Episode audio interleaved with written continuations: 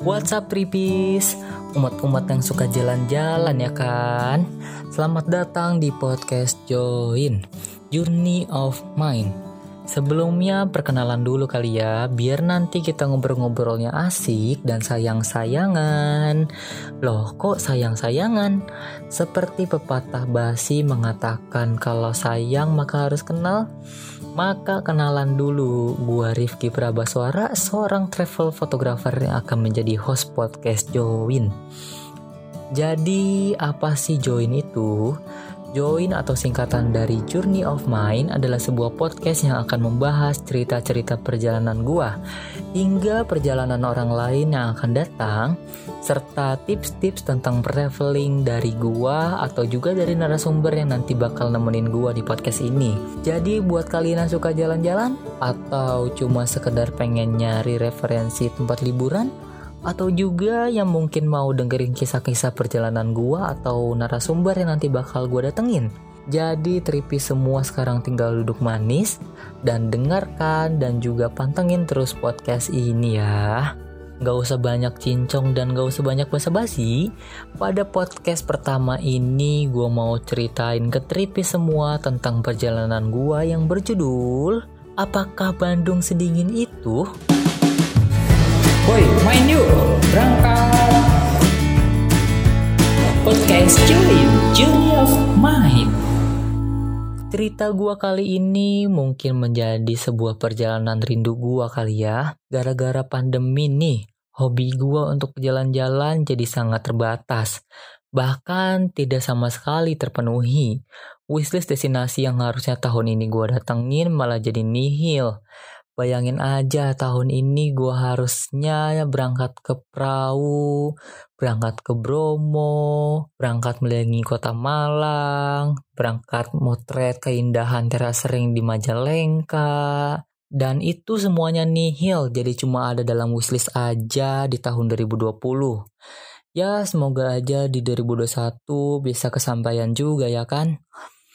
Emang ya nih pandemi ini buat gua jadi nggak bisa ke mana-mana di rumah aja. Bayangin aja dari pertama COVID-19 masuk ke Indonesia sekitar bulan Maret, buat banyak negara di dunia kacau. Semuanya tutup coy, restoran tutup, tempat ibadah tutup, kantor tutup, tempat wisata juga tutup trips. Sampai nih mata pun juga nutup terus di kasur, ngantuk tuh terus di kasur. Aduh. Tapi akhir-akhir ini kayaknya orang-orang juga udah pada capek juga kali ya dengan ketidakjelasan kapan pandemi ini beres. Jadi sesuai kebijakan pemerintah setempat, beberapa tempat juga udah pada buka nih trips.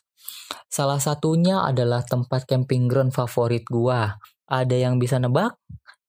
Tempat ini tuh tempat yang sempat viral di dunia persosial mediaan, khususnya Instagram pada beberapa waktu yang lalu.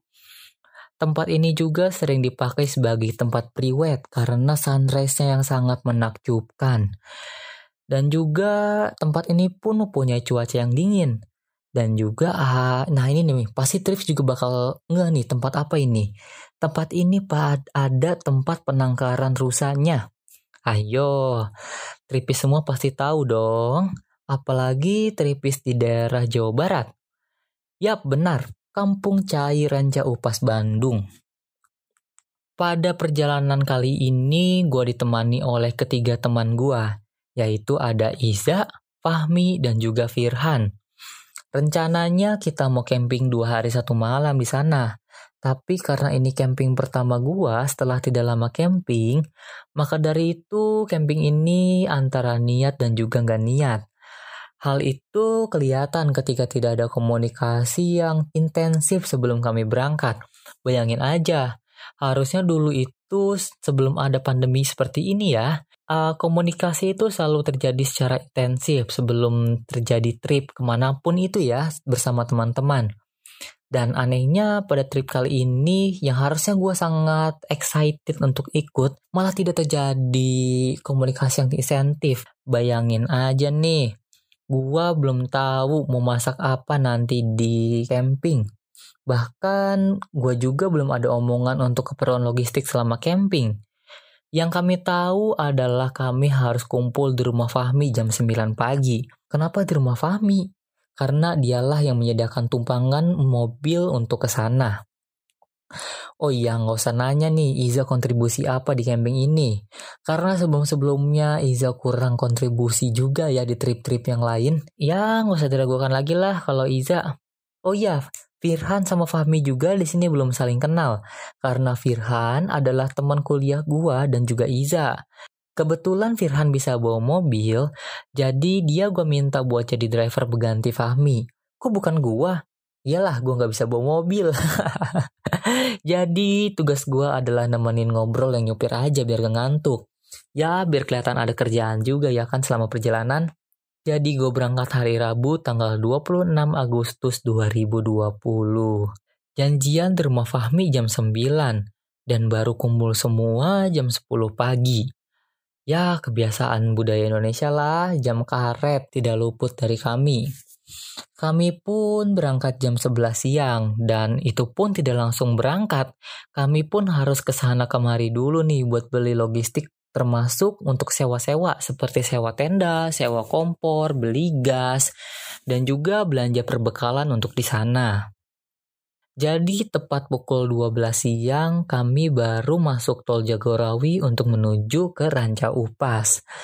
Oh iya, berhubung saat itu hari kerja, maka Google Maps saat itu sangat-sangat hijau layaknya green screen layar lebar. Gak lucu ya? Oke, next. Kami tancap langsung ke Ranca Upas nih. Cukup sekali aja nih berhenti di rest area. Aku lupa waktu itu di rest area mana. Pokoknya rest area itu masih dalam tahap renovasi. Jadi kami cukup cepat untuk sampai di Ranca Upas, yaitu kalau nggak salah di sekitar pukul 4 sore kita udah sampai di Ranca Upas. Ranca Upas ternyata sudah banyak perubahan nih trips. Terakhir kali gue ke sini gerbang loketnya itu masih agak dalam dan sekarang ternyata udah ada di depan tidak jauh dari pintu masuk.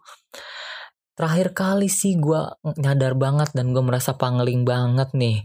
Pas masuk kok gerbangnya jadi di depan, setahu gue gerbangnya itu ada di dalam dan cuma ya udah gerbang kayak segerbang pos doang. Dan sekarang sumpah trips gerbangnya itu udah pangling banget sekarang udah bagus lah pokoknya. Gak usah diragukan lagi memang juara sampai keluar piala. Jadi selain gerbangnya aja ternyata fasilitasnya pun diperbaiki loh sama Ranca Upas. Ya gue cukup pangling dah dan gue cukup kaget ternyata setelah sekian lama gue tidak ke sini ternyata banyak perubahan dari Ranca Upas. Dan ternyata harganya pun tidak berubah juga dilihat-lihat.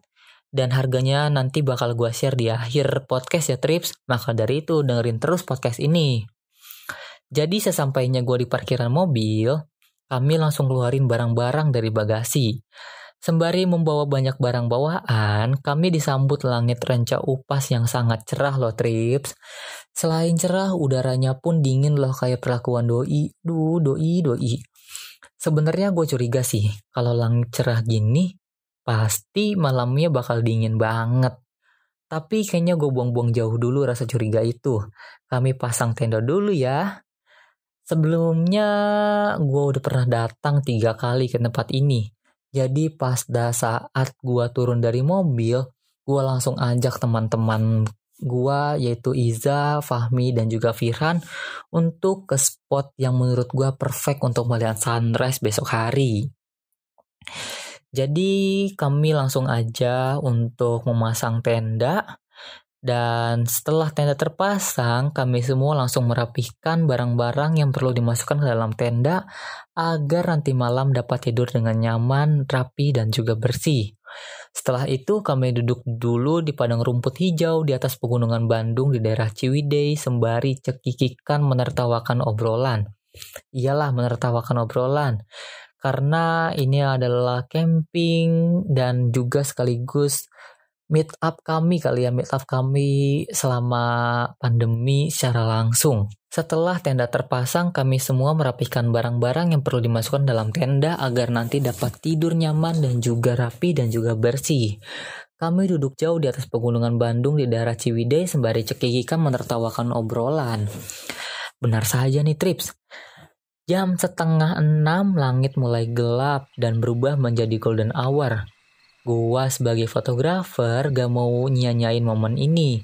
Bayangin aja nih trips, langitnya cerah, warna biru, ditambah sedikit awan berwarna oranye dari pantulan mentari. Dan juga di sela-sela itu banyak juga bintang yang berkelap-kelip. Waduh, sangat indah rasanya dipandang. Jadi buat kalian yang mau lihat hasil foto-fotonya bisa juga kunjungi Instagram gue ya di @kibastory. Dah, setelah matahari terbenam, gelap pun datang sebagai musibah. Loh kok musibah? Bayangin aja, mulut tiba-tiba bisa mengeluarkan asap lah ya kayak perokok. Pori-pori udah mulai membesar kedinginan. Iza dan Firhan dengan sigap jalan membeli kayu bakar untuk menemani malam. Gua dan Fahmi juga sembari menyiapkan bahan makanan dan juga kompor yang akan kami pakai nanti malam.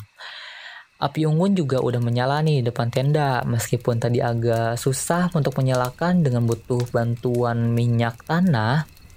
Maka dari itu setelah api itu menyala, uh, kami pun langsung menyiapkan sosis, snack, dan juga makan malam seadanya untuk menemani api unggun pada saat itu. Tentunya nih, pada saat makan malam juga ditambah dengan bumbu-bumbu canda tawa yang sudah lama tidak gue dengar secara langsung. Iya, secara langsung. Ini kan pertama kali gue liburan lagi bareng mereka meskipun ada masker yang menghalangi suara kami. Ya, ingat nih, ini masih pandemi. Meskipun gue percaya sama mereka, yaitu Iza, Fahmi, dan juga Firhan sehat, tapi tidak ada salahnya juga loh untuk mencegah. Bener kan? Ternyata semakin malam semakin menusuk juga nih dinginnya Trips. Sumpah ini dingin banget Trips. Sayangnya gue gak punya alat mengukur suhu biar gue bisa nunjukin ke Tripis semua betapa dinginnya udara ranca upas pada malam itu. Semakin malam semakin menusuk juga dinginnya udara. Sumpah ini dingin banget trips. Sayangnya gue gak punya alat untuk mengukur suhu biar gue bisa tunjukin ke trips semua betapa dinginnya Ciwidey pada malam itu. Gue sempat untuk menanyakan kepada widget di HP mengatakan kalau Ciwidey saat itu menyentuh angka 11 derajat Celcius. Bayangin cuy, 11 derajat Celcius. Di Bogor aja udah di 23 derajat Celcius itu udah dingin banget Gimana ini coy, gak ada hujan, gak ada apa, 11 derajat Celcius. Itu baru jam 9 loh trips. Bagaimana nanti tengah malam atau dini hari? Nah, jam 10 malam kami semua bayangin, ah jam 10 malam itu masih siang lah. Dan biasanya itu kami masuk tenda itu biasanya sekitar jam 12 atau jam 1. Dan sekarang kami jam 10 malam udah masuk ke dalam tenda. Tidak ada dari kami yang tidak kedinginan. Semuanya sudah memakai jaket tebal. Nah, di sini nih kebodohan gue. Gue tidak prepare untuk hal ini. Tidak ada kaos kaki maupun sleeping bag untuk tidur nanti. Sungguh malam itu sangat amat dingin trips. Bayangin aja nih kaki gua udah kayak ditempelin batu es sampai kebas alias mati rasa. Gila tuh kaki udah mau dipukul-pukulin mau diapain gak ada rasanya. Udah gak rasa udah gak ada rasanya juga gue udah nginjek tanah. Kayak layaknya kesemutan lah bener-bener mati rasa. Dan tidak ada satupun dari kami juga yang bisa tidur pada saat malam itu hingga saatnya kami mencari berbagai posisi tidur untuk menghangatkan badan bersama-sama. Contohnya itu kayak tumpuk-tumpukan kaki atau dempet-dempetan lah kayak gitulah. Pokoknya mencari berbagai macam cara untuk kami semua dapat menghangatkan diri. Eits, tapi malam suram itu terbayarkan lo trips dengan glory sunrise Jam setengah enam pagi, Rancau Pos udah mulai terang. Kabut-kabut tipis ada di mana-mana untuk menunggu disambut cahaya mentari pagi. Jadi saat kabut itu ada di atas, kemudian disambut matahari pagi, dan itu menciptakan sebuah roll. Roll ini nih yang menjadi ciri khas dari Ranca Upas. Jadi buat kalian yang pengen ke Ranca Upas, kalian wajib banget nih dapetin sunrise pagi hari di Ranca Upas. Pokoknya tidak ada penyesalan lah untuk camping di Ranca Upas atau mungkin kalau tidak mau camping bisa datang pagi ke Ranca Upas karena gerbang di Ranca Upas itu buka 24 jam ya trips. Oke, jadi kalau misalkan kalian memang gak percaya itu sunrise memang seindah itu, kalian memang wajib banget datang ke sini. Atau untuk di spill, mungkin kalian bisa cek di Instagram gua atau di Instagram-Instagram lain atau di Google mungkin. Jadi kayaknya ceritanya cukup sampai situ aja ya Trips. Karena setelah pagi itu gua hunting Kemudian abis itu gua makan Kemudian gua pulang. Nah seperti yang gue janjiin tadi Gue bakal share nih harga-harga perjalanan ini Trips. Nah jadi yang pertama Biaya tol Bogor-Bandung itu sekitar 150 ribuan. Gue sih nggak inget pasti ya Pokoknya waktu itu gue ngisi 200 ribu untuk Imani dan yang kedua untuk bensin. Bensin pun gue isi 300 ribu dan itu masih banyak sisa ketika sampai Bogor. Dan yang ketiga, tiket masuk Ranca Upas. Tiket masuk Ranca Upasnya itu sekitar 30 ribu per orang dan 25 ribu untuk mobil. Dan yang selanjutnya adalah harga kayu api unggun harga kayu api unggun ini harganya sekitar 15.000 seikat. Uh, kayu api unggun ini tersedia di warung-warung yang ada di Ranca Upas ya Trips. Oh iya, gue lupa bilang nih, di Ranca Upas juga banyak fasilitas yang sediakan seperti kolam air panas, toilet, tempat charger, musola, lengkap deh pokoknya. Dan yang paling menarik nih, gue lupa untuk ceritain ke Tripis semua, adalah penangkaran rusa Kalian nih di sini bisa foto bareng hingga berinteraksi langsung dengan rusa loh Tripis. Kalian cukup beli wortel aja yang disediakan di pintu masuk seharga Rp10.000 per ikat. Oke, itu perjalanan gua camping lagi di Ranca Upas. Ternyata Bandung emang dingin banget ya. Kedinginnya itu memang ganas banget gitu. Jadi jangan lupa kalau mau camping di sini, pokoknya wajib mesti harus bawa jaket tebel, kaos kaki, dan juga sleeping bag.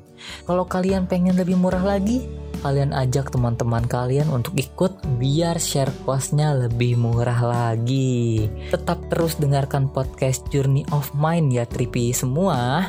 Ajakin teman-teman kalian untuk keluar dan jangan lupa, your journey is yours. Sampai jumpa di podcast episode kedua. Bye-bye.